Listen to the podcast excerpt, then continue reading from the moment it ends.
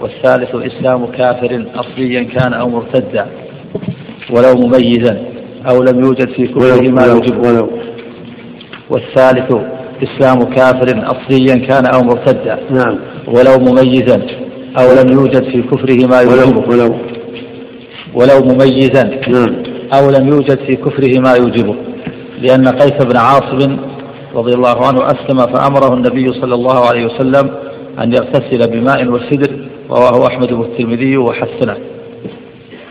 ويستحب الحمد لله وصلى الله وسلم على رسول الله وعلى آله وأصحابه. الثالث إسلام كافر أسلم يؤمر بالغسل. ولو مميزا شرط الخلاف القوي. والمميز ما بعد وجب عليه الصلاة لكن يؤمر بالغسل حتى يصلي. يعني ما أمر بالصلاة أمر استحباب.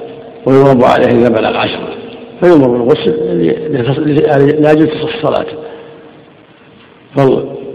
فإسلام الكافر يوجب الغسل عند جمع من أهل العلم. من حديث قيس بن عاصم لما أسلم الله النبي أن يغتسل ماء وسد قالوا هذا يدل على وجوب الغسل على جميع الكفار إذا أسلموا والمرتد إذا أسلم. وقال الآخرون لا يجب لكنه سنة مستحب لأن الرسول لم يأمر جميع الكفار بذلك. لما فتح مكة وأسلم الناس لم يمرهم بالغسل ولم يحفظ عن أنه قال لهم اغتسلوا. فدل على أن الغسل واجب وإنه مستحب. ولما بعث معاذ اليمن قال وأمر أن يدعو إلى توحيد الله. قال فإنما طاعوك فأعلمهم افترض عليهم خمس صلوات ولم يقل أمرهم بالغسل. الغسل مستحب لحديث قيس وليس بواجب على الجميع. نعم هذا هو الأقرب والأظهر. نعم. المميز أحسن الله كذا. المميز القول بوجوب محل نظر إنما يستحب لو شاة الخلاف. لأنه مأمور بالصلاة هو هو استحب له الغسل كما استحب له الصلاة. إلا إذا بلغ العشر وجب أن يؤمر بالغسل ووجب أن أن يؤمر بالصلاة ويضرب أيضا. نعم. لكن إذا أمر بالغسل وهو ابن سبع حتى يستنى لها أن يصلي. نعم. إذا علم أن الكافر إذا كان يعني قد أتى جنابة قد أتى جماع يعني إذا علم أن عليه جنابة أحسن الله إخواننا يؤمر بالغسل. نعم. إذا كان جنوبا نعم. ويستحب له إلقاء شعره. قال أحمد ويغسل ثيابه. يعني يستحب له غسل الثياب إذا لم يعلم فيها شيء. أما إذا علم فيها نجاسة يجب غسلها. وإلا في الأصل الطهارة. لكن متى علم فيها نجاسة وجب الغسل. نعم. إذا علم فيها نجاسة ثوب جديد أو ثوب ثوب مغسول ما فيه نجاسة ما يلزم غسله أما إذا علم فيه نجاسة يغسل. نعم. نعم. خشية أن يكون فيها شيء يعني إذا كان ما يعلم شيء. ولا ولا دليل على هذا. أما إذا علم شيء تغسل نعم. وإلا في الأصل الطهارة. نعم. كالمسلم كالمسلم. ويستحب له إلقاء شعره. نعم. ويستحب له إلقاء شعره. نعم حديث ألقي عنك شعر الكفر واختفي. هذا حديث قيس. لهذا من حديث قيس. نعم. نعم. والرابع موت غير شهيد معركة ومقتول ظلما ويأتي. الرابع إيش؟ والرابع موت غير شهيد معركة ومقتول ظلما ويأتي. الرابع غسل الميت. الميت يغسل لأن النبي صلى الله عليه وسلم قال في قصة ابنها زينب اغسلنها بثلاث إلى آخره. وقال في الذي وقصته راحلته اغسله بماء وسدر فدل على وجوب غسل الميت. ذكرا كان أو أنثى صغيرا أو كبيرا يجب غسله. ولو مقتولا قتلا.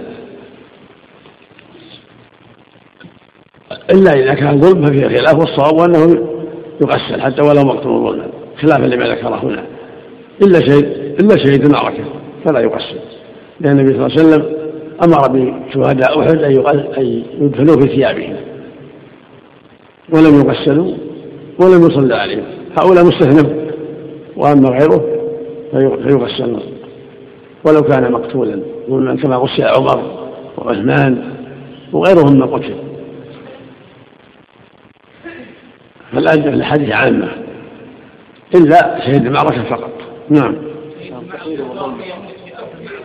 شهيد المعركة إذا مات في المعركة في محل المعركة في محل قتله. نعم. الشهيد. الشهيد في سبيل الله. هل يكفر ولا لا؟ يدفن في ثيابه. لا يغسل ولا يكفر.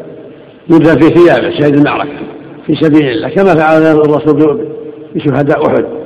أمرهم أن يدفنوا في ثيابهم ولم يغسلوا ولم يصلى عليهم شهداء. بل أحيانا عند ربهم يرزقون. الله أكبر. نعم. الشهيد إذا أصيب في ولكن لم يمت إلا خارج أرض المعركة. يغسل. إذا إذا نقل حيا إذا نقل حيا ثم مات بعد ذلك يغسل. نعم. التقييد ظلما؟ ها؟ هل يشترط أن يكون مقتول ظلما التقييد؟ لا يغسل ولو ولو أنه مقتول ظلما. والذي مقتول حدا يغسل على كل حال. ما في شيء. إذا قتل حدا يغسل. كالمرجوب و فإن الزاني يحصل يغسل يرجم ويغسل. نعم. صلاح دليل من استثنى المظلوم وجه الدلالة يلحق بالشهداء يعني يعني شهيد. وكل تسمية الشهيد ما يلزم منه. حتى من مات بالبطن يسمى شهيد ما يغسل. المطعون والموطون شهد أو يغسل. تسمية الشهيد لا تمنع لا تمنع من تغسيله. فإن الشهادة أمرها عام وسيع. لكن شهيد بمعركة خاصة الذي لا يغسل للنص فيه وأما الشهداء الآخر يغسل مقتول ظلما والمقتول بالبطن وبجائع وب أنواع أنواع الشهادة. المبطون شهيد ومات بالهدم والغرق. وما هذا يغسل نعم. يغسل يغسل. إذا كان مسلم.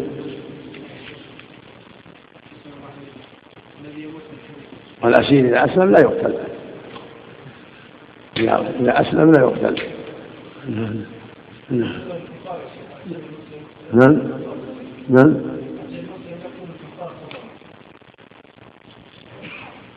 يعني الأسر قتل كافرا؟ نعم. إذا تمكن المسلمون يغسلونه. إذا تمكن المسلمون من أسيرهم غسلوا. نعم. نعم يغسل إذا تيسر إذا أمكن ولا ييمم إن تمكنوا من غسله الحريق ولا ييمم لأن قد يذهب الماء أجزاء من بالغسل ليكون احترق. لكن إذا تيسر أنه يغسل والحريق ما ما يمنع غسله لا بأس. وإلا في يمم إذا كان الحريق قطعه أحرقه يمنع. نعم. أصحاب حوادث السيارات عليهم تقطعهم السيارات قطع هل يغسل وإلا يؤمن ويكفي؟ إن أمكن تغسيلهم ولا يلزم منهم شيء وإلا يؤمن إن أمكن تغسيلهم بحيث لا يلزم من أجزائهم شيء فلا بأس. نعم الله نعم. شهداء المعركة سويت دفنهم. هل يدفنون جماعة ام افراد أفراد أفراد. كل واحد لحاله. إلا إذا دعت الحاجة لكثرتهم دفن اثنين جميعا. وإلا فالأفضل واحد واحد. دفن كل واحد واحد. المرأة إذا كانت مع الرجال وليس معهم زوج لها تيمم تيمم نعم. المرأة إذا مات بين الرجال تيمم نعم. قال أن تغسل أعضاء لا ما لها ما لها تيمم لأنها عورة أعضاء الوضوء. ما لا لا. تيمم بس بالوجه والكفين نعم. نعم. والرابع والخامس حيض والسادس نفاس ولا خلاف في وجوب الغسل بهما قاله في المغني. فيجب بالخروج والانقطاع شرط نعم. فيجب بالخروج والانقطاع شرط. الحائض والنفاس يغسل عليهما الغسل أيضا إذا طهرتا. إذا طهرتا من حيضه من الحيض والنفاس وجب الغسل بالنص. قال تعالى فإذا اطهرن فأتوهن. والنبي صلى الله عليه وسلم بالغسل فعليهما الغسل إذا طهرتا. ولا يتم الغسل إلا بانقطاع الدم. نعم. لا ولادة عارية عن دم. فلا غسل بها والولد طاهر. إذا وجد ولد بغير دم ولدت ولم يكن دم فلا غسل. والولد طاهر. هذه مسألة مفروضة. ولم يبلغ لها أن امرأة ولدت من غير دم. لا نعلم فيها في أي مكان أنها ولدت بغير دم لكن هذه مسألة مفروضة. وإلا هل معروف أن كل امرأة تلد يكون معها دم ولو قليلا. المقصود أنه لو وجد لو وجد ولدت بدون دم فلا بأس لأن الدم هو العلة. نعم. يحتاج جديد أقول يحتاج ثبوت. نعم. كلها حكايات ما لها أساس. نعم. الطاهر إذا خرج من سبيلين ما يوجد نعم. ما يوجد شيئا الطاهر إذا خرج من أحد السبيلين. ما هي إلا المريض بس فقط ومن لغيره يوجب الوضوء إذا خرج من الدبر شيء أو من الذكر شيء وجب الوضوء. إلا ما جاء في المني بالنص. هذا طاهر لكن يوجب الغسل إن كان عن شهوة وإن كان عن شهوة يوجب الوضوء. ولكنه طاهر وإلا فالأصل النجاسة. إذا خرج رطوبة من من الدبر أو من الذكر فهي نجسة. ما عدا المني. نعم. نعم. ومن لزمه الغسل لشيء مما تقدم حرم عليه الصلاة والطواف ومس المصحف وقراءة القرآن. ومن؟ ومن لزمه الغسل نعم. لشيء مما تقدم. نعم. حرم عليه الصلاة والطواف ومس المصحف وقراءة القرآن. كل من لزمه الغسل يمنع منه. في الصلاة ومس المصحف وقراءة القرآن من الطواف حتى يغتسل. الجنوب لا لا يطوب ولا يصلي ولا يمس المصحف. وهكذا من أسلم قبل أن يغتسل على يقول بوجوب الغسل. وهكذا الحائض والنفساء حتى تغتسل. وهكذا قراءة القرآن هكذا مس المصحف هكذا الطواف حتى يحصل الغسل. نعم. أحسن الله إليك الحائضة ليس لها أن تقرأ؟ نعم. الحائضة أحسن الله إليكم أليس لها أن تقرأ القرآن المفسر في خلاف أهل العلم الشيخ تقي رحمه الله بما قال من خشية نسيانه قرأت أو وجب عليها قراءة حسب القولين والأقرب والله أعلم أنها تقرأ لأن المدة تطول. في النفاس والحيض تطول هي مثل الجنوب ولا تقاس الحيض على الجنوب. فالأقرب والله أعلم أنها تقرأ عن ظهر قلب. هذا والأرجح من هذه الدليل. تقرأ عن ظهر قلب وإذا دعت الحاجة إلى مراجعة المصحف تراجعه من وراء قفازين من وراء حائل. ولا يجوز قياسها على الجنوب. الجنوب مدة يسيرة يغتسل وينتهي. والقياس في هذا لا وجه له. أما حديث لا تقرأ الحائض ولا الجنوب شيئا من القرآن فحديث ضعيف. يعني من رواية إسماعيل بن عياش عن موسى بن عقبة وإسماعيل عن الحجازيين ضعيف عند أهل العلم. وقياس فاسد. نعم.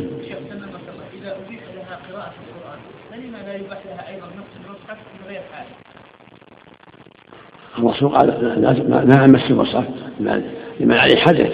كيف حدث أكبر؟ مس المصحف ممنوع إلا لمن كان عليه حدث أصغر فالذي عليه حدث من باب أولى. نعم. نعم.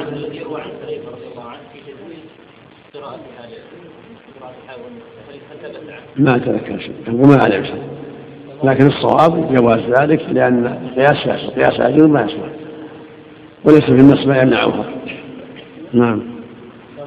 لكن من دون حائل. إذا أراد الحدث يحتاج إلى مصلحة يكون من دون حائل. نعم. هل يقرأ آية الكرسي؟ لا يأتي بالتعوذات الشرعية دون آية الكرسي. ودون المعوذات وقل الله وإذا أحب ذلك فليغتسل خير له. نعم.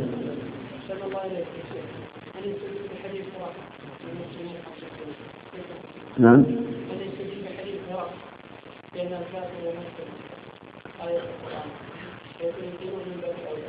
لا لا هذا ما يحتاج يعني النص واضح في القرآن. الرسول نهى عن القرآن.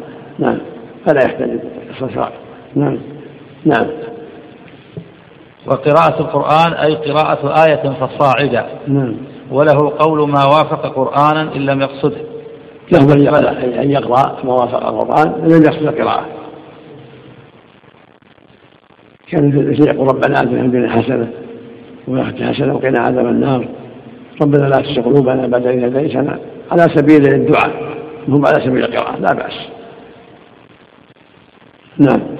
كالبسملة والحمدلة. نعم. كالبسملة والحمدلة ونحوهما. نعم مثل البسملة والحمدلة. ربنا لا تزغ قلوبنا ربنا لا تؤاخذنا إن نسينا. على على غير سبيل القراءة. للحال والنفس جميعا والجنوب. نعم. ونحوهما كالذكر. نعم. وله تهجيه والتفكر فيه. نعم.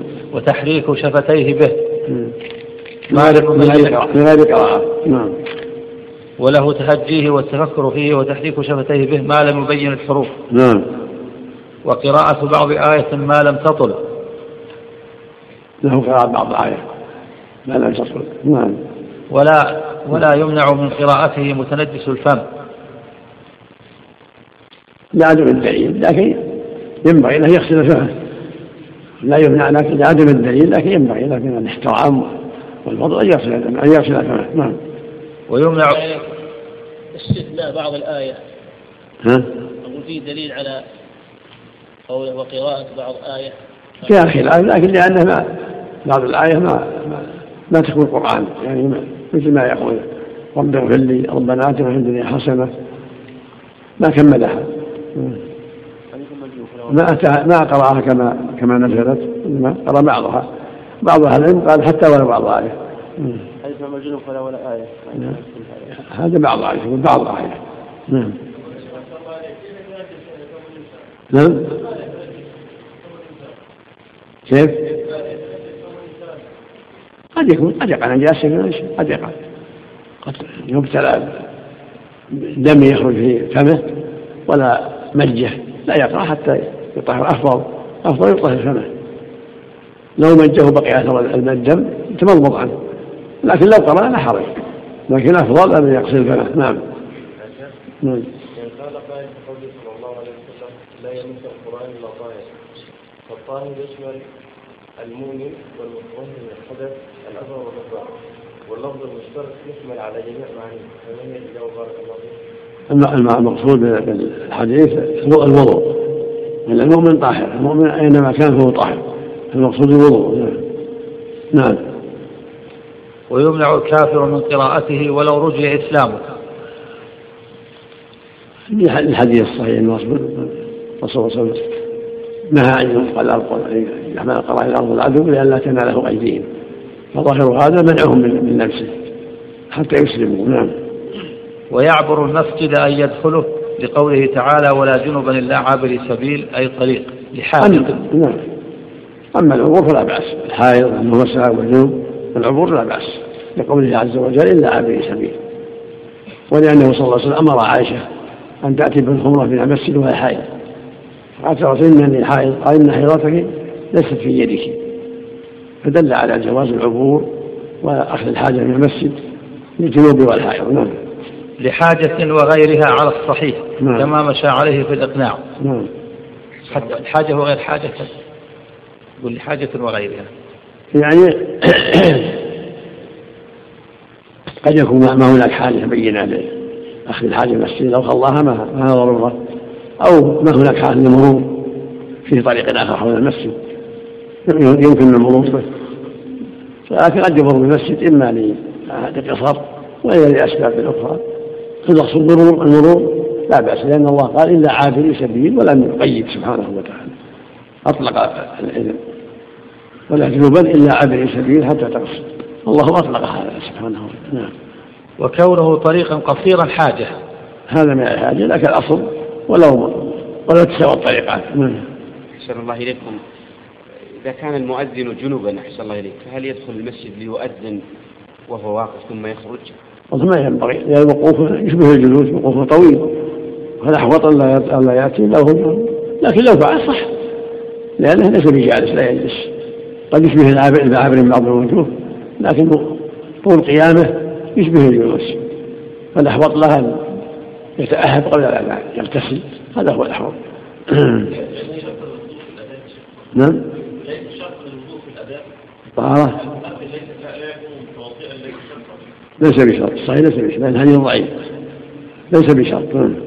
النهي عن اتخاذ المساجد ما أعرف في حديث صحيح. أنا لا أعرف في هذا حديث صحيح. نعم. وكره أحمد اتخاذه نص القرآن واضح إلا عابر نص القرآن. نعم. وكره أحمد اتخاذه طريقا. ما الكراهة تحتاج إلى دليل.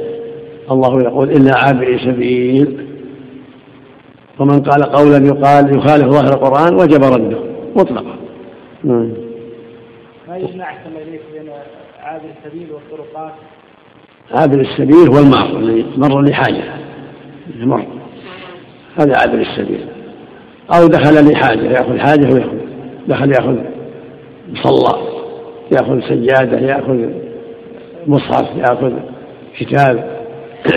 والمصحف يجب أخذه إذا كان في جفيل أو بعلاقة نعم.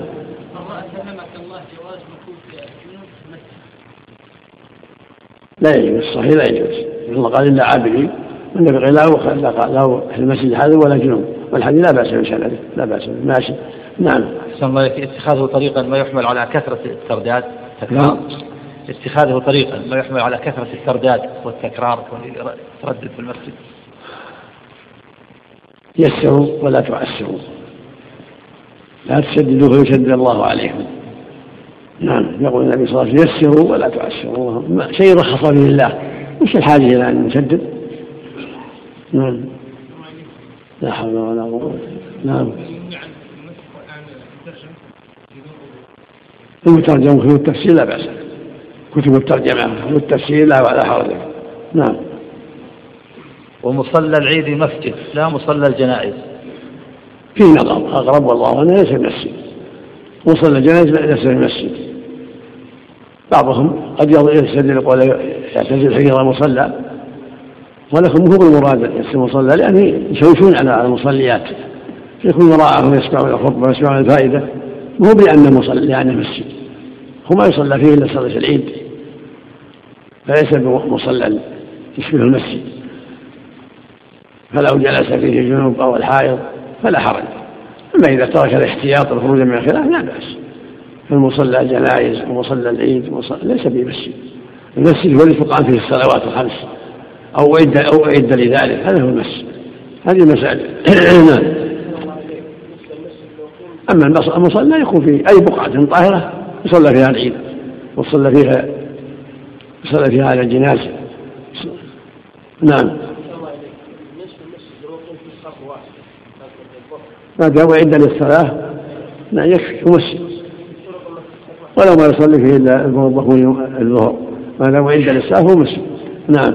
أحسن الله إليكم. مساجد العيد الآن حفظكم الله تسور وتحاط يعني تحجب عن الناس فلا تعتبر مساجد؟ من باب الاحتياط من باب الاحتياط والخروج من الخلاف طيب هذا من باب الاحتياط والخروج من الخلاف نعم لئلا تمتهن ولئلا تلقى فيها يلقى فيها شيء من القدوات ينبغي هذا من باب الحيطة ومن باب تنزيح وتنظيف للناس. لكن أما كونها مسجد يحتاج إلى تحييد المسجد أو يحرم فيه جلوس الجنوب أو الحائض هذا محل نظر. أما كون المسجد بحيث يعني ينظف ويصان عن القاذورات هذا. طيب مهم مهم. نعم. وهو شرط نعم. إذا كان إذا وعمر المسجد تعين صار وقفه ولو ولو ولو لم يقل انه وقف. متى عمر المسجد؟ صار مسجدا وصار وقفا. لوجود تعميره أما المصلى فهو محل نظر مصلى العيد هو محل نظر ينزه وينظف ولكن لا يكون حكم حكمه المساجد من كل الوجوه.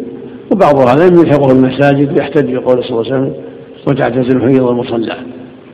قال إن هذا يدل على أنه مسجد. الظاهر مراد تعريف المصلى ليس المراد يعني أنه مصلى مسجد لأن الحيض لا يصلينا وإذا كنا في المسجد ضايق على المصليات ضايق على المصلين كونهن حول المسجد وقرب المسجد يسمعنا الخطبه يسمعنا الذكر يشتركنا في ذلك. هذا خير لهم. نعم. وهو بشرط لا بني لهذا يكفي. إذا بني الصلاة يكفي. ولو عطل في بعض الصلوات بعض الأحيان. نعم. أي صلاة؟ نعم يجب عليه يصلي في المساجد اللي بنيت لهذا أما المصلى معدل للجنازة أو للعيد في وقته في وقتها. أما المصليات لا تصلي صلاة الفريضة تصلى في المساجد لا يهمل المساجد. يجب أن يسعوا يصلوا مع المسلمين في المساجد. نعم. يقصد المصليات المؤسسات الحكومية. نعم. يقصد مصليات المؤسسات الحكومية اللي تكون في الأدوار.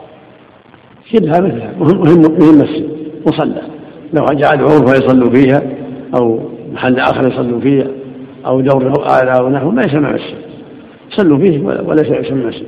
مع أن الواجب عليه أن يصلوا في المساجد ولا يصلوا في, في, في الأدوار. إذا كان لهم مساجد يجب عليهم إذا سمعوا النداء أن يخرجوا. نعم.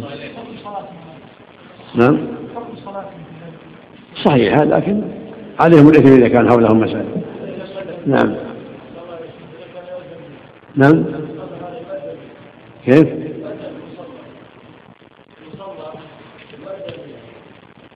ما عندهم مسجد يعني؟ إذا كان ما عندهم مسجد لا بأس وما إذا كان عندهم مسجد لا يصلوا في المساجد. نعم. يترتب على خروجهم أحسن الله إليك تأخرهم ولو ولو إذا تأخروا ربع ساعة ثلث ساعة ما يضر ما يضرهم. لكن الهوى الهوى والضعف وقلة المبالاة. بعضهم يقول إنهم يتفرقون أو يتأخر السنة. ولو تسنى الحمد لله. هم يضيعون أوقاتهم في غير هذا. إذا جاء الصلاة جاء, جاء الحفظ على الوقت وإذا جاءت حاجاتهم ضيعوا الاوقات إذا كان واسع يوسع. إذا صدقوا يوسعوا له نعم. ولا يجوز أن يلبث فيه. نعم.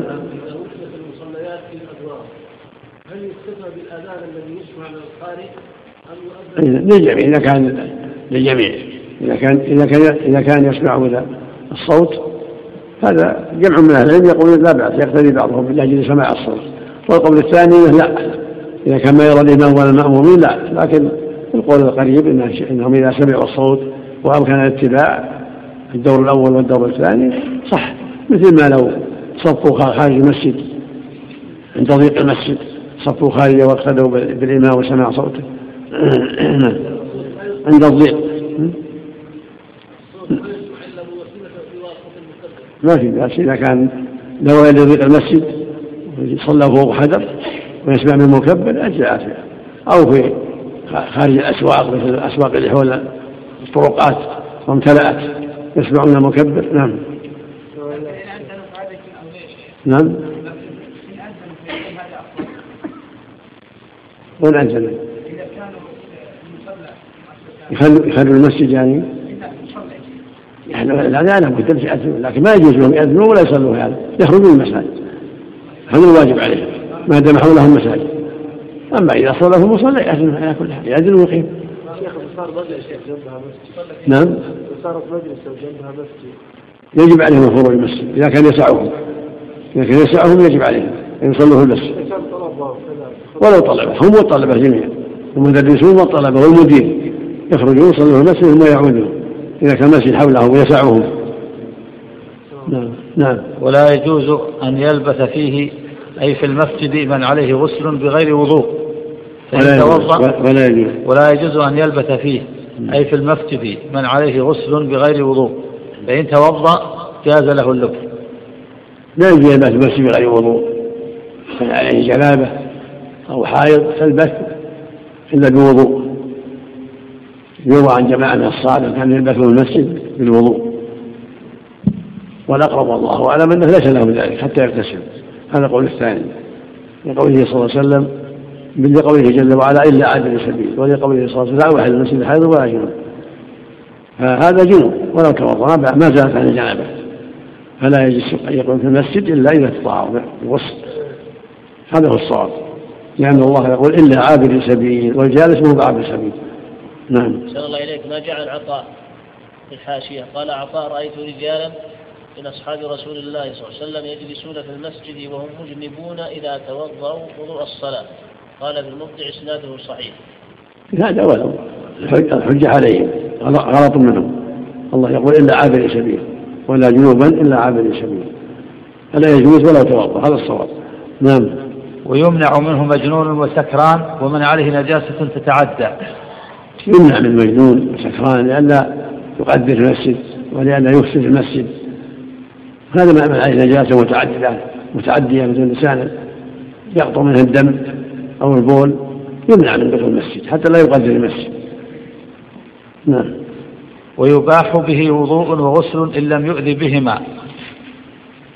يباح الوضوء كما فعل أبو هريرة يشرع المسجد إذا كان ليس فيه أذى لكن إذا كان هناك نخام أو مخاط لا يجوز.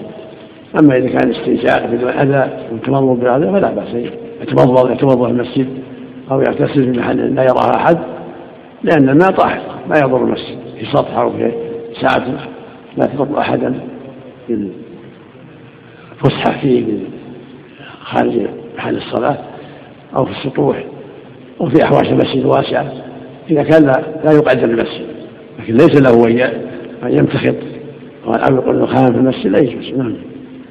وإن كان الماء في المسجد جاز دخوله بلا تيمم. وإن كان وإن كان الماء في المسجد جاز دخوله بلا تيمم. وإن كان إيش؟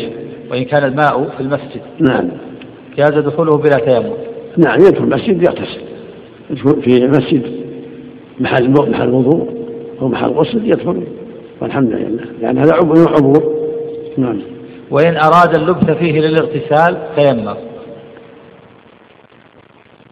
لا يجوز عنده مطلقا إلا عند الضرورة إذا اضطر مثلا إنسان احتلم فلا يستطيع الخروج يتيمم وإلا فالواجب الخروج. نعم. أراد اللبس فيه للاغتسال قد يقع قد يقع إنسان يبيت في المسجد ويصيب جنابه ولا يستطيع الخروج. يخشى أنه يمسك تمسك الشرطة ولا غيره. في محل لا يستطيع الخروج فيه يتيمم وإن تعذر الماء واحتاج للبث جاز بلا تيمم. وإن وإن تعذر الماء واحتاج للبث جاز بلا تيمم. اللي قبله. وإن أراد اللبث فيه للاغتسال تيمم. وإن تعذر الماء وإن أراد وإن أراد. وإن أراد اللبث فيه للاغتسال تيمم.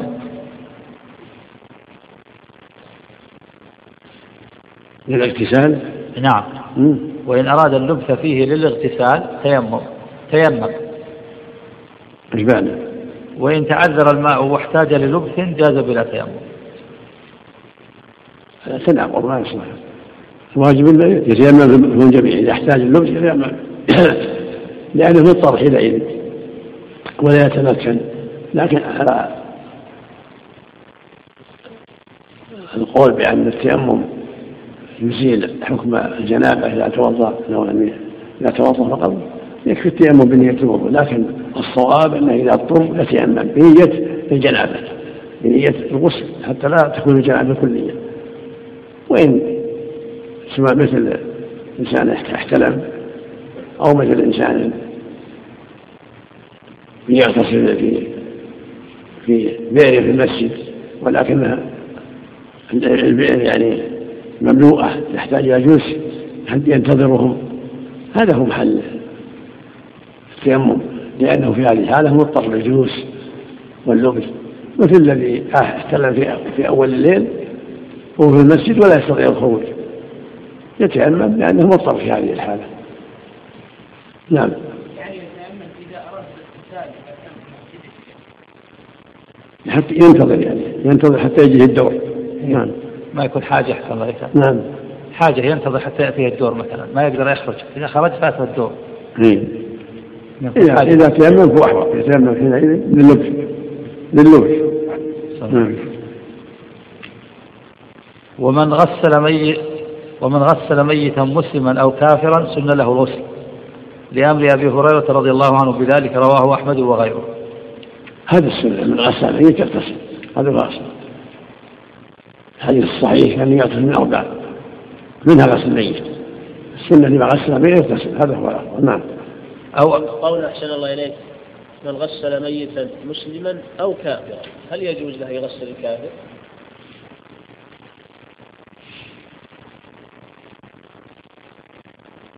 ما أعلم له وجه وما أعلم له وجه المقصود تغسيل المسلم المسلم الميت أما في تغسيل الكافر ما هو نجس.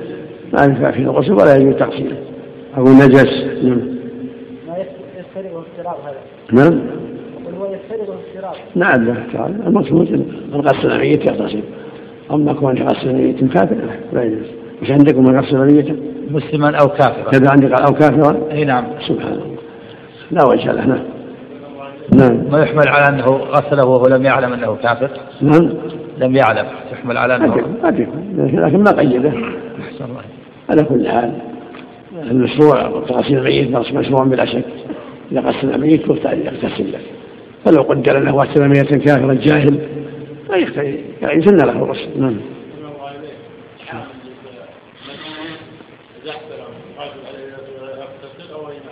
إيش؟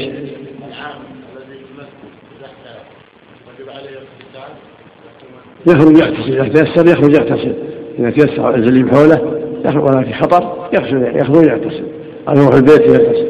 أما إذا كان عليه خطر إذا خرج يخشى ان يمسك ويسجد وين جيت وين رحت يجلس يتيمم ويجلس. نعم.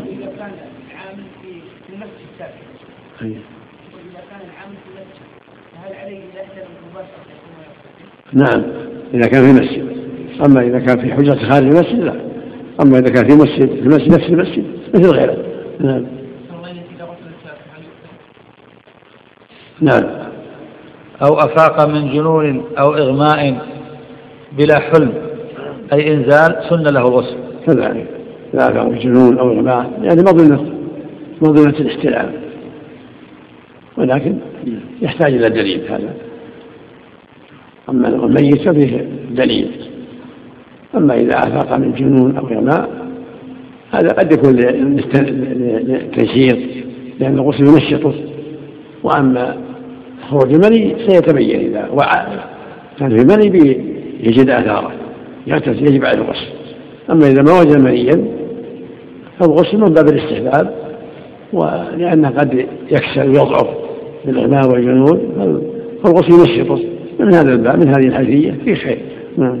لأن النبي صلى الله عليه وسلم اغتسل من الإغماء متفق عليه والجنون في معناه بل أولى. النبي صلى الله عليه وسلم طيب سبع مرات وهو يغتسل عليه الصلاة والسلام كان يريد أن يصلي بالناس فلما عظم عليه الأمر قال صل قولوا مروا بكر ويصلي بالناس. هذا حجة في الإغماء حجة في وصل الإغماء نعم. نعم. نعم. والجنون يقول؟ لأنه ينشط. أما إذا وجد المني لا يجب. نعم. يقول والجنون في معناه بل أولى. نعم من باب أولى. نعم. وتأتي بقية الأغسال المستحبة في أبواب ما ما تستحب له ويتيمم للكل ولما يسن له الوضوء لعذر. فالنظر لأن المقصود من الغسل النشاط والقوة. والتيمم ما يحصل به ذلك. ما يحصل به المقصود من النشاط والقوة. فيقول يتيمم إذا غسل الميت أو أفاق من جماع أغنى ولم يجد ماء محل نظر. فهو واضح سنية التيمم في هذا لأن مقصود الغسل لا يحصل بالتيمم. نعم. وصفة الغسل الكامل. بركة سم... نعم. نعم. تيمم باب البدل نعم. العلة ما موجودة. نعم.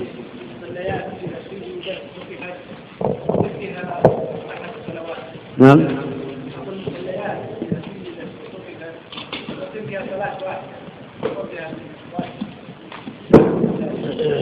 ليس لها حكم مساجد. ليس هذا حكم قصور. تبع القصر إذا بيع وإذا أجر تبع القصور. من المساجد نعم. وليس لها تحية المسجد. وصفة الغسل الكامل أي المشتمل على الواجبات والسنن أن يروي أن ينوي رفع الحدث أو استباحة الصلاة أو نحوها. ثم يسمي. وهي هناك وضوء تجب من الذكر وتسقط مع السهو. ويغسل يديه ثلاثا كما في الوضوء. وهو هنا آكل لرفع الحدث عنهما بذلك. بسم الله الرحمن الرحيم. صلى الله عليه وسلم يبين المؤلف رحمه الله غسل كامل من الجنابة. وغسل كامل هو ان يتاسى النبي صلى الله عليه وسلم في ذلك. يغتسل كما اغتسل النبي هذا هو غسل كامل فينوي اولا قوله صلى الله عليه وسلم الأعمال بالنيات إنما لكل امرئ وإنما لكل ما نوى. ينوي الغسل ينوي الطهارة من الجنابة ويسمي كالوضوء. تجمع الذكر وتسقط مع النسيان هذا. جمع من العلم والجمهور على انها مستحبه ثم يغسل يديه ثلاث مرات كما فعل النبي صلى الله عليه وسلم. ينوي بها غسل الجنابه نعم. ويغسل ما لوثه من أذى ويتوضأ كاملا. ثم يغسل ما لوثه من أذى. يعني يستنجي أصابه شيء خرج بول خرج شيء يستنجي أصاب خصيتي شيء يعني يتوضأ في ذكره وانثييه ودبره إن كان خرج شيء. ثم يتوضأ وضوء الصلاه كما فعل النبي صلى الله عليه وسلم. نعم. ويحث الماء على رأسه ثلاثا يرويه أي يروي في كل مرة أصول شعره فلا يجزئ المسح. ثم يحث ثلاث حثيات كما كان النبي يفعل. ثم يرويها رأسه. هكذا يصل ثلاث مرات ويخلل بيده حتى يفضي الماء إلى وصول الشعر. كما قال يوم سلامة إنما كان يكفيك أن تحيي ثلاث حاجات ثم تفي ذلك الماء. والمرة تجزي لكن ثلاث فيها الكمال والتمام. وإذا عم الماء رأسه مرة أجزاء لكن ثلاث هو السنة والكمال. وهكذا في كل في كل عضو في الوضوء مرة وتكفي الثلاث أفضل. وهكذا في الغسل. يعم رأسه ثلاث مرات نعم. هو بلازم الدرك لكن أفضل. نعم. الصابون ما في أي يحط صابون وغيره ما في والمكان نعم. ويعم نعم. أفضل ثم بعدين يعم بالماء ويكفي في الرأس السنة ثلاثة نعم.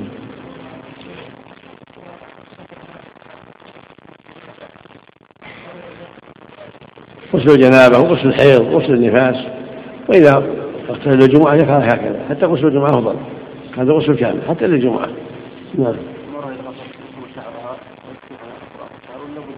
لابد يمر مع جميع الشهر. على جميع الأماكن نعم.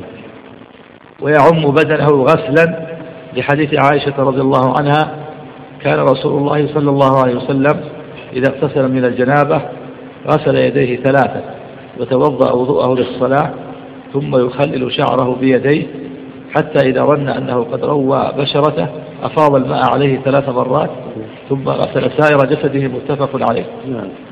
هذا هو الكمال نعم. ثلاثة. نعم. يعم بدأه غسلا ثلاثة. نعم. حتى ما يظهر من فرج المرأة عند قعود لحاجة وباطن شعر. سبعة في الرأس. أما البدن ما ما لم يرد فيه تثليث إنما جاء تثليث في الرأس. أما البدن يعمه بالله ويكفي وتغسل المرأة فرجها كرة كما يغسل الرجل فرجة ذكره أنثيه فيتلف فرجها ما ظهر من فرجها أيضا. نعم. في حسن الله في حاشي عليه. قوله يعم بدنه غسلا ثلاثا هذا الصحيح من المذهب. وقيل مرة هو ظاهر الخرق والعمدة وجماعة واختاره الشيخ تقي الدين. نعم. قوله ويعم بدنه غسلا ثلاثا هذا الصحيح من المذهب. وقيل مرة وهو ظاهر الخراق والعمدة وجماعة واختاره الشيخ تقي الدين. قال الزركشي وهو ظاهر الأحاديث انتهى. هو ظاهر النصوص. سواء تكفي يعم المال مثلا إنما التثليث الرأس نعم قول أصحابنا ثلاثة البدن ليس بجيد نعم. قياس على الرأس وليس بجيد نعم. لا قياس مع النص نعم. يعني ما في دليل للقياس لا. قاسوا على الرأس نعم. لا يجزي لا بد من غسل. كما عنده ما يكفي تيمم نعم. وتنقضه وتنقضه لحيض. هذا أفضل تنقضه للحيض. ليس بواجب الصواب ليس بواجب لكن تنقضه الحيض أفضل. ولهذا ام سلمه لما سالت النبي غسل الجنابة والحيض. تنقض قال إنما يكفي أن تحمل على سهل الحياة لكن إذا نقضته كما جاء في حاجة أخرى تنقض راسها يكون أفضل وأكمل. تغسله بالماء والسدر هذا أفضل وأفضل نعم. ويدركه أن يدرك بدنه بيديه ليتيقن وصوله إلى مغابنه وجميع بدنه. هذا هو الأفضل. أن يدرك بيده ويمد يده عليه أفضل. أكمل. نعم. ويتفقد أصول شعره وغضاريس أذنيه وتحت حلقه وإبطيه وعمق سرته يعني يتبع المقابل قد ينبو عنها الماء يلاحظها حتى يعمها الماء الله نعم. وتحت حلقه وإبطيه. إبطيه وسرته وحلقه. يعني لاحظ حتى لا ينبو الماء. نعم. غضاريف ولا غضاريف؟ غضاريف.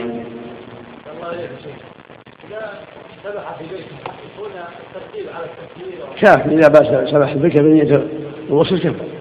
لكن لا ينبغي الغسل لا يشرع ما يشرع له الوصل مع الدائم يغرف اضطرارا لكن يوسعه إذا كان الماء كثير أو صب عليه فوق كباس صب عليه فوق وعمها الماء كفى نعم. ما يشعر. نعم لو بدأ برجليه كفى المهم المهم من الغسل. إنما يكفي أن يفيض عليه الماء. هذا الامر نعم يكفي. بنية الغسل. لكن هنا يغتسل كما غسل النبي أفضل.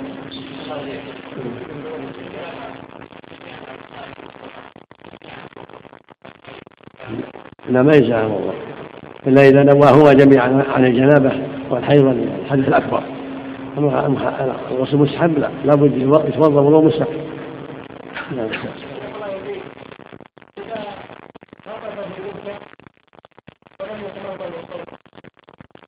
عن الجنابة لابد يتمضى إذا خرج إذا خرج يتمضى ويستمسك ويجي. إذا خرج يتمضى إذا يتمضى ويركز. لا بد منهما نعم في الوضوء نعم. وتحت حلقه وإبطيه وعمق سرته وبين إليتيه وطي ركبتيه. والمقصود من هذا يلاحظ على الأشياء هذه حتى لا ينبو عنها الماء تحت سرته طي ركبتيه وكذلك تحت ركبتيه. كل هذه الأشياء قد ينبو عنها الماء نعم. ويتيامن لأنه صلى الله عليه وسلم كان يعجبه التيمم في طهوره. هذا السنة يبدأ بشق الأيمن قبل الأيسر. كما في غسل الجنازة هذا أفضل ولكن إذا عم الماء كفى نعم. ويغسل قدميه ثانيا مكانا آخر. نعم إذا فرغ يغسل قدميه مكان آخر. ولو كان قد توضأ قد غسله نعم لحديث ميمونة نعم. لكن أحسن مرة ثانية. ولو في مكان إذا كان مكان صلب ونظيف ولو في مكان لكن إذا كان مكان فيه طين أو في كذا يتحول عنها حتى يغسل نعم. وإذا كان ما في طين نظيف نعم. إذا كان المحل نظيف ولا في طين. ما ما لزم إذا غسلها أفضل ولا ما لزم نعم. نعم. لكن إذا غسل بعد الغسل كما ميمونة أو أفضل. نعم. لا مطلقة لكن التحول التحول إذا كان المكان فيه طين يتحول مكان أجف أنظف منه. شو؟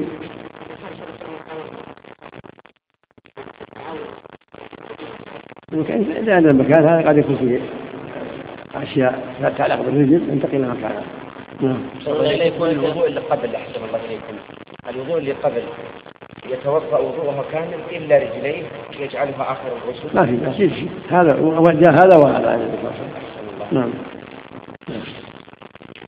ويكفي الظن في الإسباق. يكفي الظن. ظنه أنها أسباق كافي نعم. قال بعضهم ويحرك خاتمه ليتيقن وصول الماء. الخاتم فيه نظر إن كان لاصقا حرك وإن كان واسع لا يشك فيه ما يحتاج تحريك. نعم. والغسل المجزي أي الكافي أن ينوي كما تقدم. نعم. والغسل المجزي أي الكافي أن ينوي كما تقدم. ويسمي فيقول بسم الله ويعم بدنه بالغسل مرة أي يغسل ظاهر جميع بدنه وما في حكمه من غير ضرر. هذا الكافي مجزي ينوي الغسل ويسمي يعم بدنه بالماء ولا مرتب كفى هذا يكفي. لكن هنا ينظمه كما فعله النبي صلى الله عليه وسلم هذا نعم. أن يغسل ظاهر جميع بدنه وما في حكمه من غير ضرر كالفم والأنف والبشرة التي تحت الشعر ولو كثيفة. إيش؟ نعم. أن يغسل ظاهر جميع بدنه نعم. وما في حكمه من غير ضرر كالفم والأنف والبشرة التي تحت الشعر ولو كثيفة. إيش؟ والبشرة التي ويعم بدنه بالغسل مرة. أن يغسل ظاهر جميع بدنه. وما في حكمه من غير ضرر كالفم والأنف والبشرة التي تحت الشعر. ولو كثيفة. هاي في ظاهرة يعمه بالماء يكفي. إذا كان كثير فيعمها بالماء مثل شعر الرأس. البشرة اللي تحت الشعر لابد من إيصال الماء إليه ما هو ظاهر كان لكن ما يتصور هذا إلا في اللحية أو في الرأس. فإذا عمه بالماء واللحية كفى لكن إذا عركها يكون أفضل مثل ما يدرك الرأس أفضل. وباطن الشعر وظاهره مع ما استرسل كذلك العانة كانت كثيفة يدركها كانت كثيفة نعم. وباطن الشعر وظاهره مع ما استرسل وما, وما تحت حشفة أقلم إن أمكن شمرها. ويرتفع حدث قبل زوال حكم خبث. يرتفع الحدث قبل زوال حكم كمل الغسل وتبع الحدث. وإن كان هناك شيء من آثار الحدث الخبث أزال بعد ذلك. لو كان بقي شيء من آثار الخبث يزيل حتى لا لا يبقى لها أثر. الحدث يزول بتعميم البدن وإن كان هناك أثر الخبث لكن لا يمنع الماء زال الحدث وكمل الخبث. الذي لا يمنع الماء نعم. انتفع الحدث انتفع الحدث. وإذا كان هناك حاجة إلى مزيد لمحل خبث أزاله هل يتوضا ام يفيض الماء لا يتوضأ. إذا مس فرجه بعد بعد الغسل يتوضأ. يتوضا يعيد الوضوء. هل الحكم عام في ارتفاع الحدث قبل زوال الحدث؟ في الوضوء والغسل سواء؟ الحكم واحد. إذا كان خبث ما يمنع وصول الماء لو كان مثلا رحمه الله تبول أو تغور فتوضأ وضوءه الشرعي ولكنه لم يعني يستنجي. لم يستنجي على شرط يقدم على الوضوء. أو شرط في صحة الوضوء. إذا كانت ثم توضأ. ذكر أحسن الله ذكر بعضهم أنه لو لو لو جعل قفاز على يده بعد نعم. الوضوء واستنجى. استنجى. نعم. لو جعل على يده قفازا واستنجى بعد الوضوء.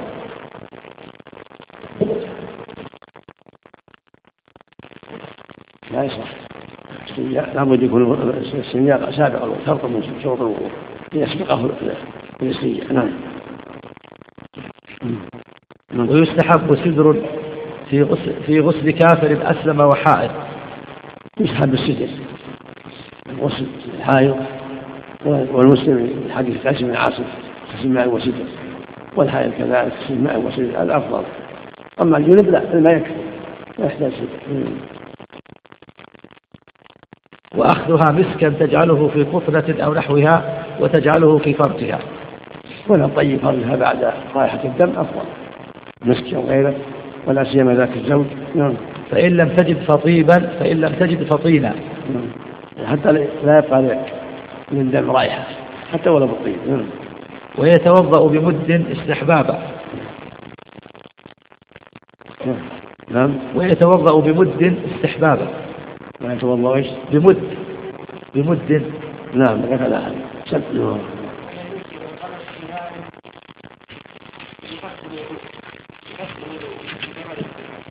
لا بد يخرج اعضاءه أول يبدأ بالوجه ثم اعضاءه اليدين ثم رأسه يمسحه ثم رجليه. إذا رتبها بعد الخروج بنية الوضوء ويتوضأ بمد استحبابا. والمد رطل وثلث وثلث عراقي ورطل وأوقيتان وسبع أوقية مصري وثلاث أواق وثلاثة أسباع أوقية دمشقية وأوقيتان وأربعة أسباع أوقية قدسية. ويغتسل بصاع وهو أربعة أمداد وإن زاد جاز لكن يكره الإسراف ولو على نهر جار. بسم الله اللهم صل وسلم على رسول الله. يقول المؤلف رحمه الله ويتوضأ بالمد ويغتسل بالصاع. هذه السنة. الاقتصاد في الوضوء.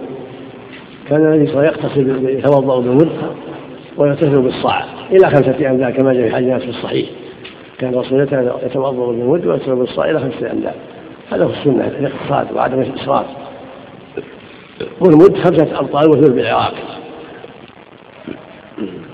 المد عضو بالعراقي والصاع خمسة امطار وثلث بالعراق. وهو أربع حكمات باليدين المعتدلتين. صاع النبي صلى الله عليه وسلم.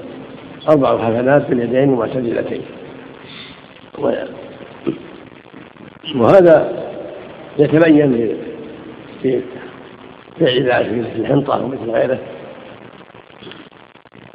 الحفنة باليدين المعتدلتين هذا مد. وأربع حفنات الصاع ومقداره بالوزن أربعة خمسة أبطال وثلث العراق يعني صاع النبي صلى الله عليه وسلم. ومد النبي يطلع وثلث. وملء اليدين المعتدلتين المملوءتين. فإذا قرب هذا فهذا السنة ألا يسرف مد ما يقاربه حتى لا يكون فيه إسراف. ولو كان على نهر جاري. ينبغي له الاقتصاد وعدم الإسراف في الماء. نعم. الله حديث لا تشرف ولو كنت على نهر؟ هذه روى من حديث سعد بن أبي وقاص روى النبي قال لسعد ولكن ما اعرف حال سنده يحتاج التأمل. لكن هذا هو الصواب تأسي بالنبي صلى الله عليه وسلم. نعم. ويحرم أن يغتسل عريانا بين الناس وكره خاليا في الماء. ويحرم. ويحرم ويحرم أن يغتسل عريانا بين الناس. نعم. وكره خاليا في الماء. هذا لا شك إنه محرم لأنه يبدي عورته الناس. لا يجوز أن يغتسل عريانا والناس ينظرون. يجب أن يستتر لا رجل ولا امرأة. أما إذا كان وحده فلا بأس. النبي اغتسل عريانا مع أهله. وكان موسى يغتسل عريانا وأبشروا من قبل أشروا لنا. ذات يوم قال الناس من بني إسرائيل وكان ما يغتسل عندهم يغتسل وحده. فقالوا إن به أدرة يعني شيء من المرأة في فيه والبعاج اللي في الخشيتين فأراد الله أن يغتسل في مكان ما عند أحد. ووضع ثوبه على أحد وهو عريان. يعني ما عنده أحد. فطار الحجر بثوبه لما خرج من عنده طار الحجر بثوبه. فجعل يتبعه حتى رآه بنو إسرائيل في أحسن صورة. ليس به بأس. فغضب على الحجر وجعل يضربه وينزل حتى صار في ندبات من شدة غضب على الحجر. لما وقف الحجر وأخذ ثوبه ورآه بنو إسرائيل. المقصود أن السنة بل الواجب الواجب على المسلم أن يبتعد عن رؤية الناس عند غسل ويكون مستورا في في محل مستور أو خيمة مستورة أو ما أشبه ذلك أو بعيد عن الناس. أما إذا كان وحده فلا بأس. نعم. من شدة غضبه عليه. شدة حتى روي في آثار ندب الحجر. في في في, آثار عصاة الحجر. وجه الكراهة أحسن الله نعم. والمؤلف وكره خاليا في الماء. نعم. وكره خاليا في الماء. لا, لا وجه للكراهة الصواب لا عدم الكراهة. نعم. ما كان عنده نعم. استشار واجب ولو كان في الصحراء. نعم. لو كان كان في البر لوحده يجب عليه استشارة لا ما ما يجب عليه. كما عنده لا يجب؟ إنما إذا كان يراه واحد. نعم. ولا خط ولا شيء. نعم. فإن أسرع. فإن أسرع بأقل مما ذكر في الوضوء أو الغسل أجزاء إذا اغتسل بأقل أو وعمم أجزاء ثبت عن أنه اغتسل أنه توضأ مثل مثل المد. إذا راعى اقتصاد وكفاه أقل من صاع وأقل من مثله فلا حرج لكن يتحرى الإسباق. النبي قال أسبق الوضوء. والإسباق إمرار الماء على العضو. في الباب في الوضوء وفي البدن. فيتحرى الاقتصاد وعدم الإسراف في وضوئه وغسله. نعم. والإسباق تعميم العضو بالماء. هذا هو الإسباق؟ تعميمه بالماء. وهو الدلك الدلك مستحب وهو بالعزم تعميمه بالماء يكفي. نعم. والإسباء تعميم العضو بالماء بحيث يجري عليه ولا يكون مسحا. نعم. أو نوى بغسله الحدثين أو الحدث وأطلق أو الصلاة ونحوها مما يحتاج لوضوء وغسل أجزأ عن الحدثين. لأن الأصل يدخل في الأكبر. إن نوى بغسل الحدثين أو الصلاة أو الحدث مطلقا دخل الأصغر في الأكبر. وإن توضأ ثم اغتسل هذا أفضل اكمل في اتباع النبي صلى الله عليه وسلم لأنه كان يتوضأ ثم يغتسل عليه الصلاة والسلام. هذا هو هو الكمال. فان اغتسل ولم يتوضأ ونوى الحدثين أو قصد بذلك الصلاة ونحوها اجزاه لأن الأصل يدخل في الاكبر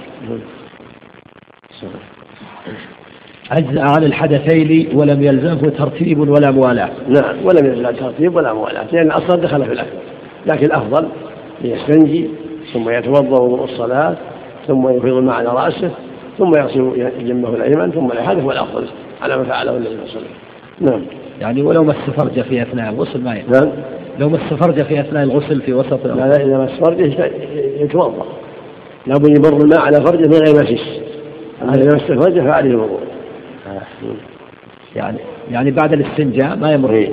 إذا مس فرجه عليه الوضوء. أول إذا استنجى أول ثم أفاض الماء ولم يمس فرجه لا بأس. أما لو أفاض الماء ومس فرجه عند إفاضة الماء عليه الوضوء لا بأس. لكن الوضوء خارج الحمام أحسن حتى يتشاهد يسمي عند عند بدء الوضوء. وإذا دعا خارج الحمام سمى في بدء الوضوء وتوضأ. نعم. نعم. ما الدليل على أن العموم النبي صلى الله عليه وسلم هو عموما في بعض الروايات أنه غسل ولم يتوضأ والعموم في إنما يكفيك ان يكفيك أن تحتي أو ثلاث حثيات إلى آخره. وان كنتم جنوبا فطهروا نعم.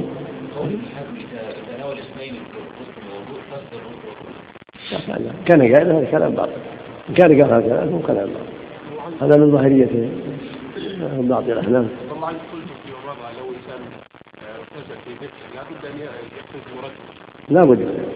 إذا كان إذا أراد الوضوء. إذا كان أراد بهذا الوضوء. أما إذا كان عن حدث أكبر تبع صار الحدث صار تبع الوضوء.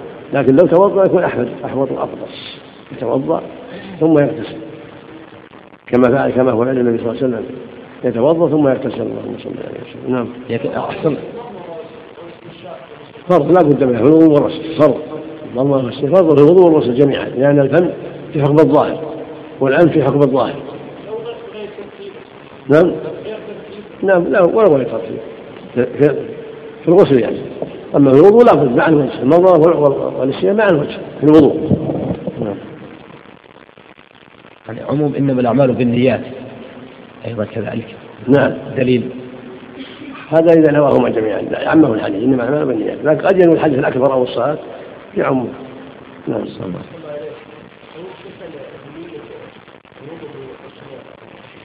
نعم. ما يصح لا لابد من الوضوء ترتيب لابد من الترتيب. أو غسل جمعة أو غسل مستحب لابد من الترتيب لابد من الوضوء أول أو بعد. إنما هذا في الجنابة خاصة يتبع الأصغر الأكبر نعم. ويسن لجنب ولو أنثى وحائض ونفساء انقطع دمها غسل فرجه لإزالة ما عليه من الأذى والوضوء لأكل وشرب. ويسن. ويسن لجنب ولو أنثى وحائض ونفساء انقطع دمها غسل فرجه لإزالة ما عليه من الأذى والوضوء لأكل وشرب. لقول الجنوب والحيض والنفس ينقطع دمها قبل الأكل. يسن الوضوء. غسل الفرج ثم الوضوء. غسل الفرج مع لذلك ما عليه من الأذى ثم يتوضأ وضوء الصلاة قبل أن يتعاطى الأكل.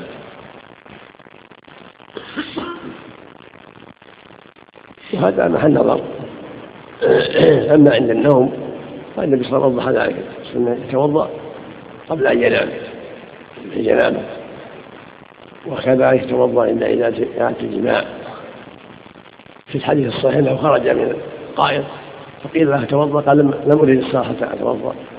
ومحل شرعية الوضوء للجنوب عند الأكل يحتاج إلى دليل وهكذا الحائض أما كونه يغسل يديه ويتنظف أو يستنجي من الاذى هذا شيء معروف. ولكن مستحب الوضوء قبل الأكل. أما قبل النوم فلا بأس لا بأس أراد النوم أو أراد إعادة الجماع كما فعله النبي صلى الله عليه وسلم. شيء الحش عليه في سيأتي دليل ذكر دليل. نعم. ذكر دليل. شيء ذكر الشارع. قال والوضوء لأكل وشرب. لقول عائشة رضي الله عنها رخص رسول الله صلى الله عليه وسلم للجنب إذا أراد أن يأكل أو يشرب أن يتوضأ وضوءه للصلاة. رواه أحمد بإسناد صحيح. إن صح إن صح هذا كافي. إن صح هذا صح. نعم.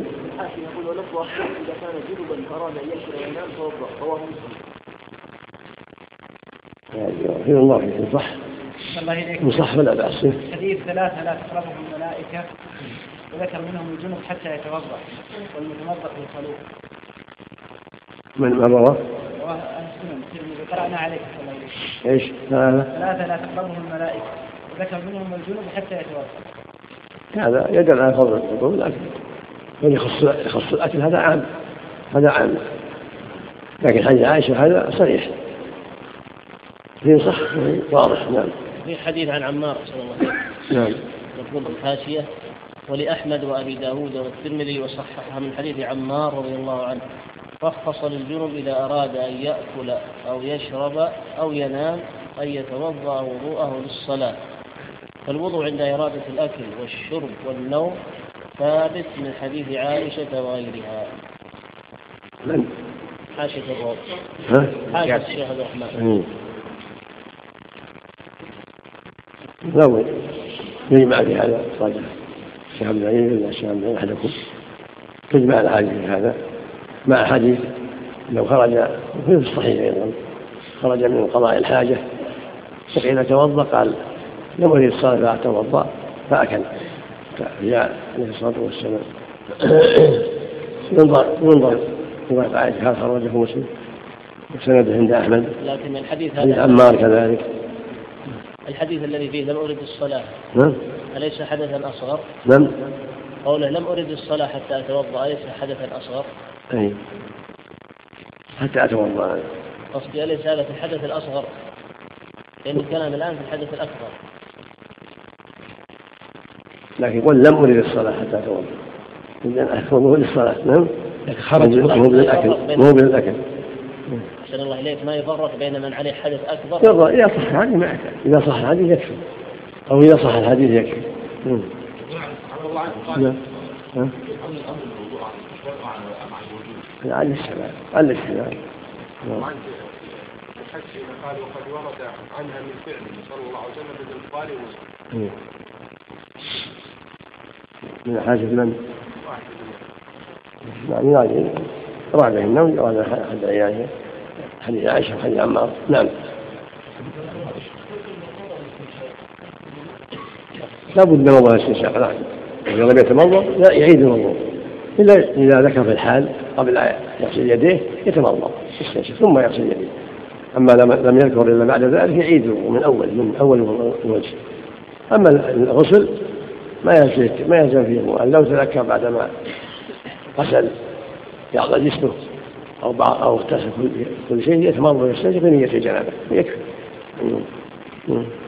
صلى الله عليه نعم. ونوم نعم. ونوم لقول عائشة رضي الله عنها كان رسول الله صلى الله عليه وسلم إذا أراد أن ينام وهو جنب غسل فرجه وتوضأ وضوءه للصلاة متفق عليه وهذا واضح. السنة عند النوم وهو جنوب يتوضأ ثم ينام. هذا هو السنة الثابتة وهكذا إذا أراد إعادة الجماع يتوضأ. نعم. ويكره تركه لنوم فقط. ويكره؟ ويكره تركه لنوم فقط. يكره ترك الوضوء عند النوم للجنوب. لقوله صلى الله عليه وسلم لعمر توضأ ثم نم. الجنوب قال يا رسول الله أينام أحدهم قال يتوضأ ثم ينام. لو توضأ ثم ينام. فيه تأكيد. فيكره تركه لل- للجنوب إذا أراد النوم. أي يكره تركه بل يتأكد الوضوء ثم ينام إذا لم يغتسل. أما في الأكل والشرب فهو مستحب ولكن لا يكره تركه لو أكل الولد وشرب معناه ليس بمكروه وش وجه التفريق أحسن لما جاء من التأكيد في في في, النوم. التأكيد على الجنوب أن يتوضأ قبل أن ينام. لما سأله عمر قال يتوضأ ثم ينام. صلى الله. ويسن أيضا غسل فرجه ووضوءه لمعاودة وطئ. مثل كذلك إذا أراد أن يعاود الوضوء يغسل فرجه ويتوضأ. لأن هذا أنشط للعود أنشط له وأبعد عن وساخة أنظف. فيه نظافة وفيه تيسير له على مراجعة زوجته في الجماع. نعم. لحديث إذا أتى أحد إذا أتى أحدكم أهله ثم أراد أن يعاود فليتوضأ بينهما وضوءا. رواه مسلم وغيره. وزاد الحاكم فإنه أنشط للعود. بهذا الحديث رواه مسلم في الصحيح. نعم. عن عن أبي سعيد. إذا توضأ. اذا جماعة ثم رجعوا. كلا يتوضأ غيرهم وضوء. نعم. هذا يتأكد؟ نعم. والغسل أفضل. وأن يغتسل بينهما أفضل. أن يغتسل بعد الجماع. ثم إذا أراد جامع جامع مرة أخرى. هذا لا بأس لكن النبي صلى الله عليه وسلم فعل هذا والحمد لله. أيسر الوضوء أيسر. فإذا أراد أن يعود أو يعني لزوجاته وقتا يمر عليهم فلا بأس أن يمر عليهم من غير غسل يكفي الوضوء. نعم. نعم. نعم. يأتي الحاكم فإنه أنشط للعود للرجوع يعني يكفي ما دام انه صلى الله عليه وسلم أمر بهذا يكفي يكفي بيان السنة. نعم. وكره وكره وكره الإمام بناء الحمام وبيعه وإجارته. وكره نعم. وكره الإمام بناء الحمام. أحمد نعم. أحمد وكره الإمام أحمد بناء الحمام وبيعه وإجارته. كره بيع الحمام بيعه وإجارته.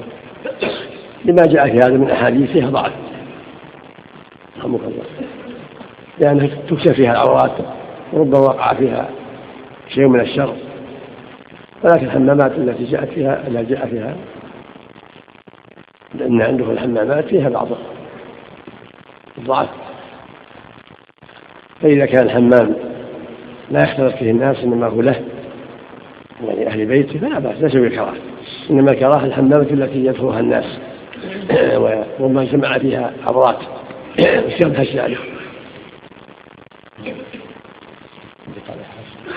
أحسن الله إليك. يقول لما يقع فيه من كشف عورة وغيره نعم. مشتق من الحميم أي الماء الحار مشدد واحد الحمامات المبنية وأول من اتخذه سليمان عليه السلام. بس. نعم. عندكم غير شيء؟ نعم. نعم إذا كان لبيته ما في ما في شرع. إنما الحمامات يخشاها الناس. نعم. وقال من بنى حماما للنساء ليس بعدل. يعني يخشاها النساء. وهذا إذا كان فيه الشر يقع فيه قد يقع فيه المساهقة قد يقع فيه خلوة الرجال بالنساء قد يقع فيه شر أما حمام خاص في بيته.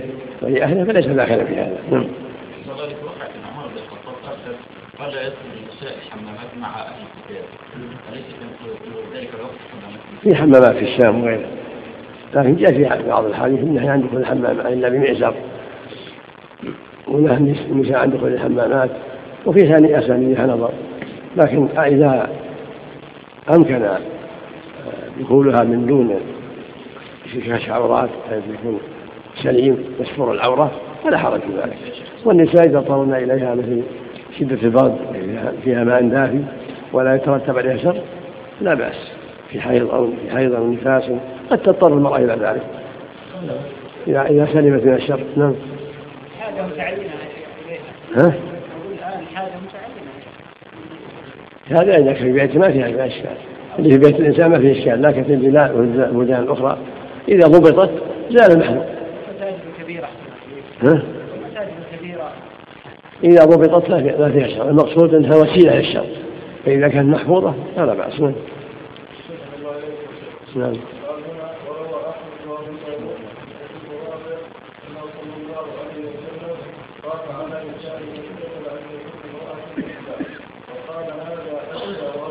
نعم هذا هذا هو الأفضل.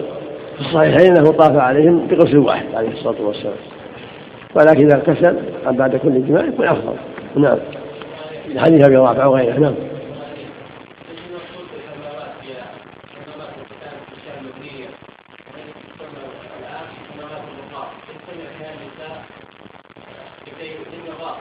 هذه هذه هذه الحمامات يدخل فيها النساء والرجال. قد يكون يدخلها رجال قد يدخلها النساء. معدة للغسل. قد يكون فيها كثرة قد محلات كثيرة. لكن إذا كانت سليمة في المحل يختص بواحد ما يكون معه شارك هذا يسلم. لأن يعني المقصود حفظ العورات. فإذا كان حمام لواحد لا يدخل إلا واحد لا هذا المحذور إذا كان نعم لا كراهة نعم. كراهة. إذا كان في عورات لا يحرم إذا كان ترى عورته يحرم أما إذا كان لا يدخل وحده لا ترى عورته لا بأس؟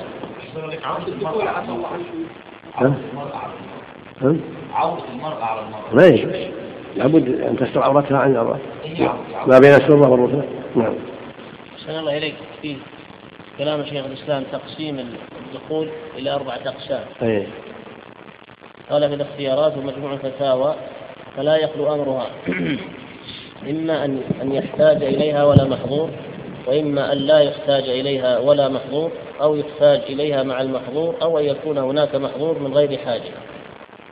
أما القسم الأول فلا ريب في جوازه والقسم الثاني إذا خلت عن محظور في البلاد الباردة أو الحارة فلا ريب في جواز بنائها. فقد بنيت الحمامات في الحجاز والعراق على عهد علي رضي الله عنه وأقروها. وأحمد لم يقل ذلك حرام ولكن كره ذلك لاشتماله غالبا على مباح ومحظور.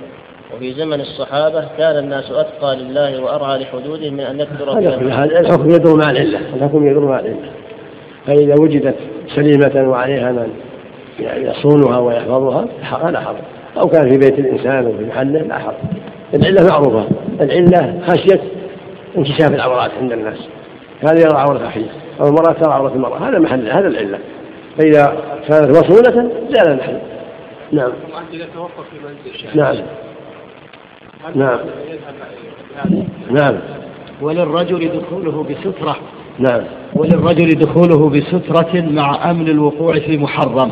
نعم إذا دخل السور العورة مع الأمن بالوقوع المحرم فلا بأس. إذا كان يعتزل احتياطا فإذا كان آمنا من الوقوع في المحرم برؤية عورات الناس فلا حرج. وإلا فليلتمس محلا في بيته أو غيره سليما.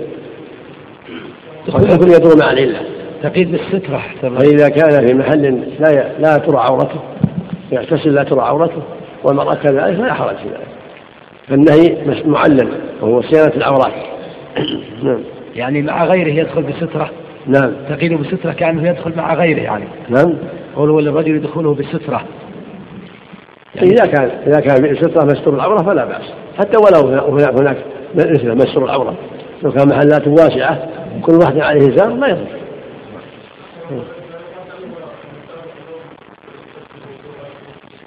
المعنى واحد. أما هو المسمح هو المعنى واحد. إذا كان في كشف عورة فيجوز في أي مكان.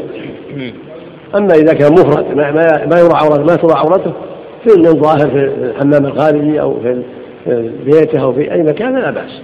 أما إذا كان ترى عورته ولو في بيته ما يجوز. الله إليك. يجوز دخول المرأة آه، مع الرجل في الحمام؟ مع زوجها لا بأس. مع زوجها لا بأس. نعم. ويحرم على المرأة بلا عذر. نعم يحرم لها بالعذر لأنها عوضة للشر فإذا كان مصون فلا بأس.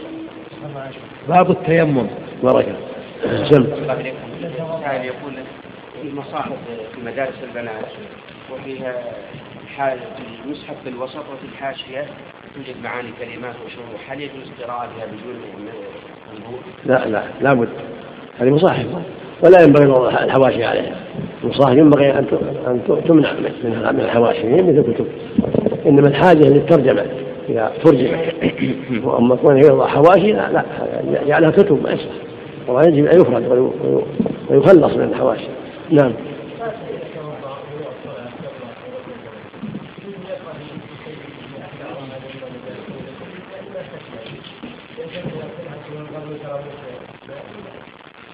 لابد من هنا حتى الوضوء ما يصح. إذا كان في شيء يمنع وصول البشرة حتى الوضوء. إذا كان في عجين على ذراعه أو في قدمه يمنع أو طين لابد يزيل ما يصح الوضوء إلا بها لابد يكون الماء يباش- يباشر البشرة. النجاسة لابد من إزالتها نعم. قبل الوضوء أو بعده كل واحد. لكن لابد من إزالتها. نعم. إذا كان على يده نجاسة وتوضأ ما صح الوضوء لعدم الموالاة. لابد يزيل النجاسة اللي لها جرم يزيلها حتى يبلغ الماء العضو البشرة.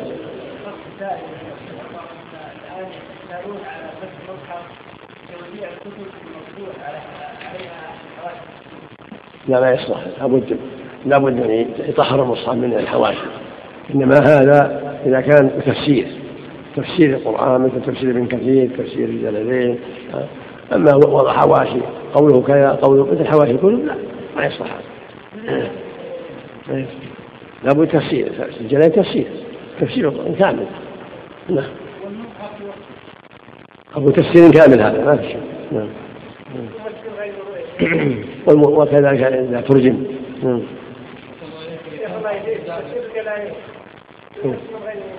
نعم. يعني التفسير مثل تفسير ابن كثير تفسير البغوي كله درب درب واحد. نعم. نعم؟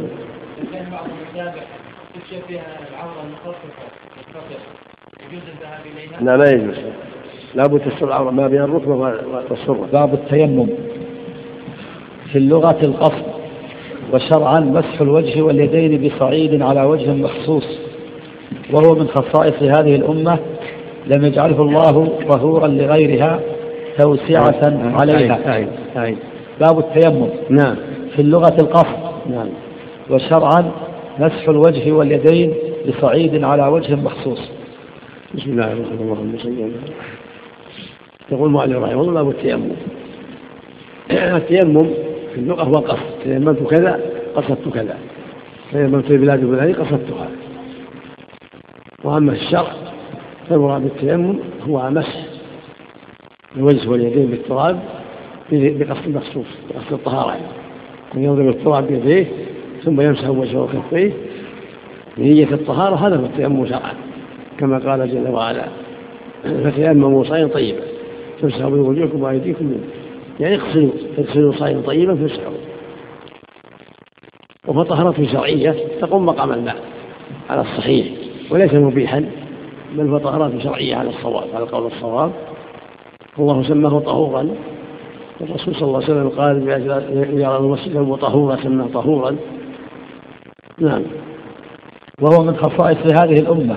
لم يجعله الله طهورا لغيرها توسعة عليها وإحسانا إليها. التيمم من خصائص الأمة. كما قبلنا لا بد من الماء. أما هذه الأمة فالله وسع عليها وجعل من خصائصها التيمم. كما قال صلى الله عليه وسلم جعل الأرض مسجدا وطهورا. يعطيه خمسة لم يعطهن أحد قبلي ذكر منها أنها جعلت في الأرض مسجدا وطهورا عليه الصلاة والسلام. نعم. فقال تعالى فتيمموا صعيدا طيبا. الآية. وهو أي التيمم بدل بدل طهارة الماء لكل ما يفعل بها عند العجز عنه عند العجز عنه شرعا كصلاة وطواف ومس مصحف وقراءة قرآن ووطئ حائط. الطهارة التيمم بدل الطهارة بالماء فضل من الله جل وعلا. ثبت فمتى عدم الماء أو عجز عن استعماله. شرع له التيمم للصلاة للطواف مس المصحف إلى غير ذلك. هو بدل لأن الله جل وعلا جعله بدلا منه إن كنتم جنوبا طهروا وإن كنتم مرضى أو على سفر أو جاهدوا الغائط أو لمستم النساء فلم تجدوا ماء فتيمموا. لمستوه جامعة. فتيمموا صعيدا طيبا. يعني الأرض الصعيد الأرض طيبة. نعم. تمسحوا بوجوهكم وأيديكم نعم كصلاة وطواف ومس مصحف وقراءة قرآن ووضع حائض طهرا وغير ذلك؟ يقوم مقام الماء نعم. فيما يستعمل فيه الماء من صلاة وطواف ومس مصحف وغير ذلك. نعم. ويشترط له شرطان. ويشترط إذا الحائض إذا طهرت ولم تجد الماء تيممت وحل في زوجها بدل يقول فإذا طهرنا يعني بالماء. فإن لم يوجد فبالتراب. نعم. تيمم. نعم. وتصلي وتفعل ما يفعله المطهرون نعم. نعم. الصعيد ما التراب. فإن لم يوجد تراب كفى ما على وجه الأرض. في اللفظ الحديث عن وغيره وجعلت تربة ولنا طهورا وجعلت تراب لي طهورا فإذا تيسر التراب فهو المقدم. فإذا ما تيسر تيمم بما عندك من ربل أو غيره. نعم. فاتقوا الله ما استطعتم. نعم. تغتسل والجنوب كذا. قال النبي إذا وجدت الماء فأمسه بشرك إذا وجدت الماء يغتسل والماضي أصل الماضي صحيح لكن للمستقبل. ما يجوز. حتى تغتسل أو تيمم إذا كان هنا ماء. لأن الله قال فإذا تطهر فأتوهن. حلق الإتيان على التطهر. حسب التأشير إذا ما وجد تراب فالصعيد يكفي وإن كان على جبل. إذا كان فيها غبار بين فلا بأس. نعم. ويشترط له شرطان. نعم أحدهما دخول الوقت وقد ذكره بقوله إذا دخل وقت فريضة أو منذورة بوقت معين أو عيد أو وجد كسوف أو اجتمع الناس للاستسقاء أو غسل أو غسل أو غسل الميت أو تيمم لعذر أو ذكر فائتة وأراد فعلها أو أبيحت نافلة بألا يكون بألا يكون وقت بألا يكون وقت نهي عن فعلها. هذا أحد الشرطين دخول الوقت. دخول وقت النافلة أو حضور الناس أو كسوف الشمس والقمر أو حضور الناس للاستسقاء. يعني لا يتيمم إلا عند وجود الوقت عنده هذا قول قول ضعيف والصواب أنه كالماء. يقول ضعيف والصواب أنه يتيمم كالماء. ولو تيمم قبل الوقت أجزأه. ولو تيمم قبل الطواف وقت أجزأه. ولو تيمم قبل الكسوف ثم كسفت صلى بطهارته. والحمد لله. لأن الله جعله بدل الماء. فلم تجدوا ماء فتيمموا. هذا في الصواب. نعم. نعم.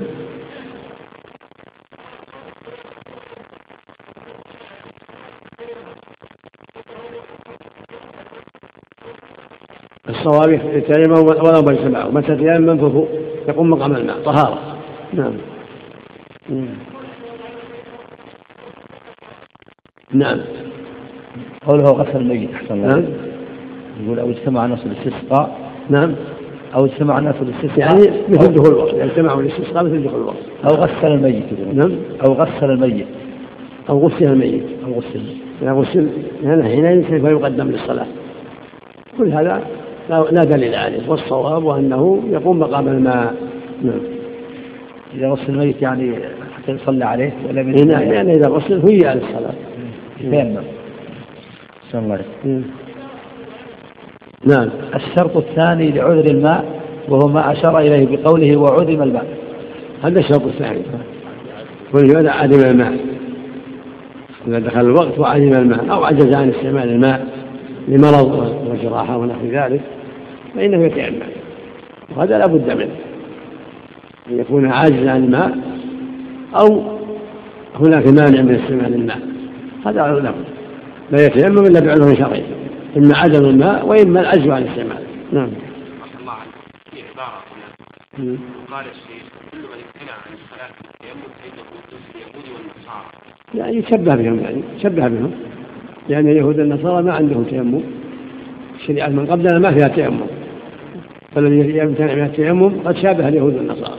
تشبه بهم نسأل الله. له نعم.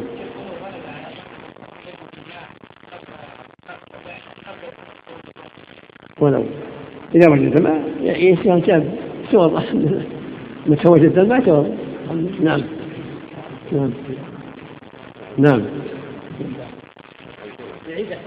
إيش؟ متى وجد الماء يتم يتوضأ للمستقبل مو للماضي للمستقبل. نعم. أول وقت أفضل ولو بالتيمم؟ نعم. أول وقت أفضل ولو بالتيمم. ها؟ ليش؟ لا يعيد الحمد لله. ثبت عن النبي صلى الله عليه وسلم رجلين صليا عند عدم الماء ثم وجد ماء فعاد أحدهما ولم يعد الآخر. فقال النبي صلى الله عليه وسلم للذي لم يعد اصبت السنة وأجزأت وصلاه وقال الآخر لك الأجر مرتين لأنه اجتهد. نعم. المقصود متى صلى التمس الماء فلم يجد وتيمم وصلى ثم أمطرت السماء أو مشوا وجدوا سيل صلاته صحيحة.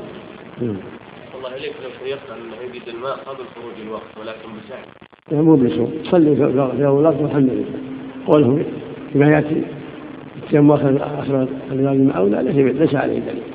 يصلي في وقت الصلاة والحمد لله ولو بالتيمم نعم. الشرط الثاني تعذر الماء. نعم.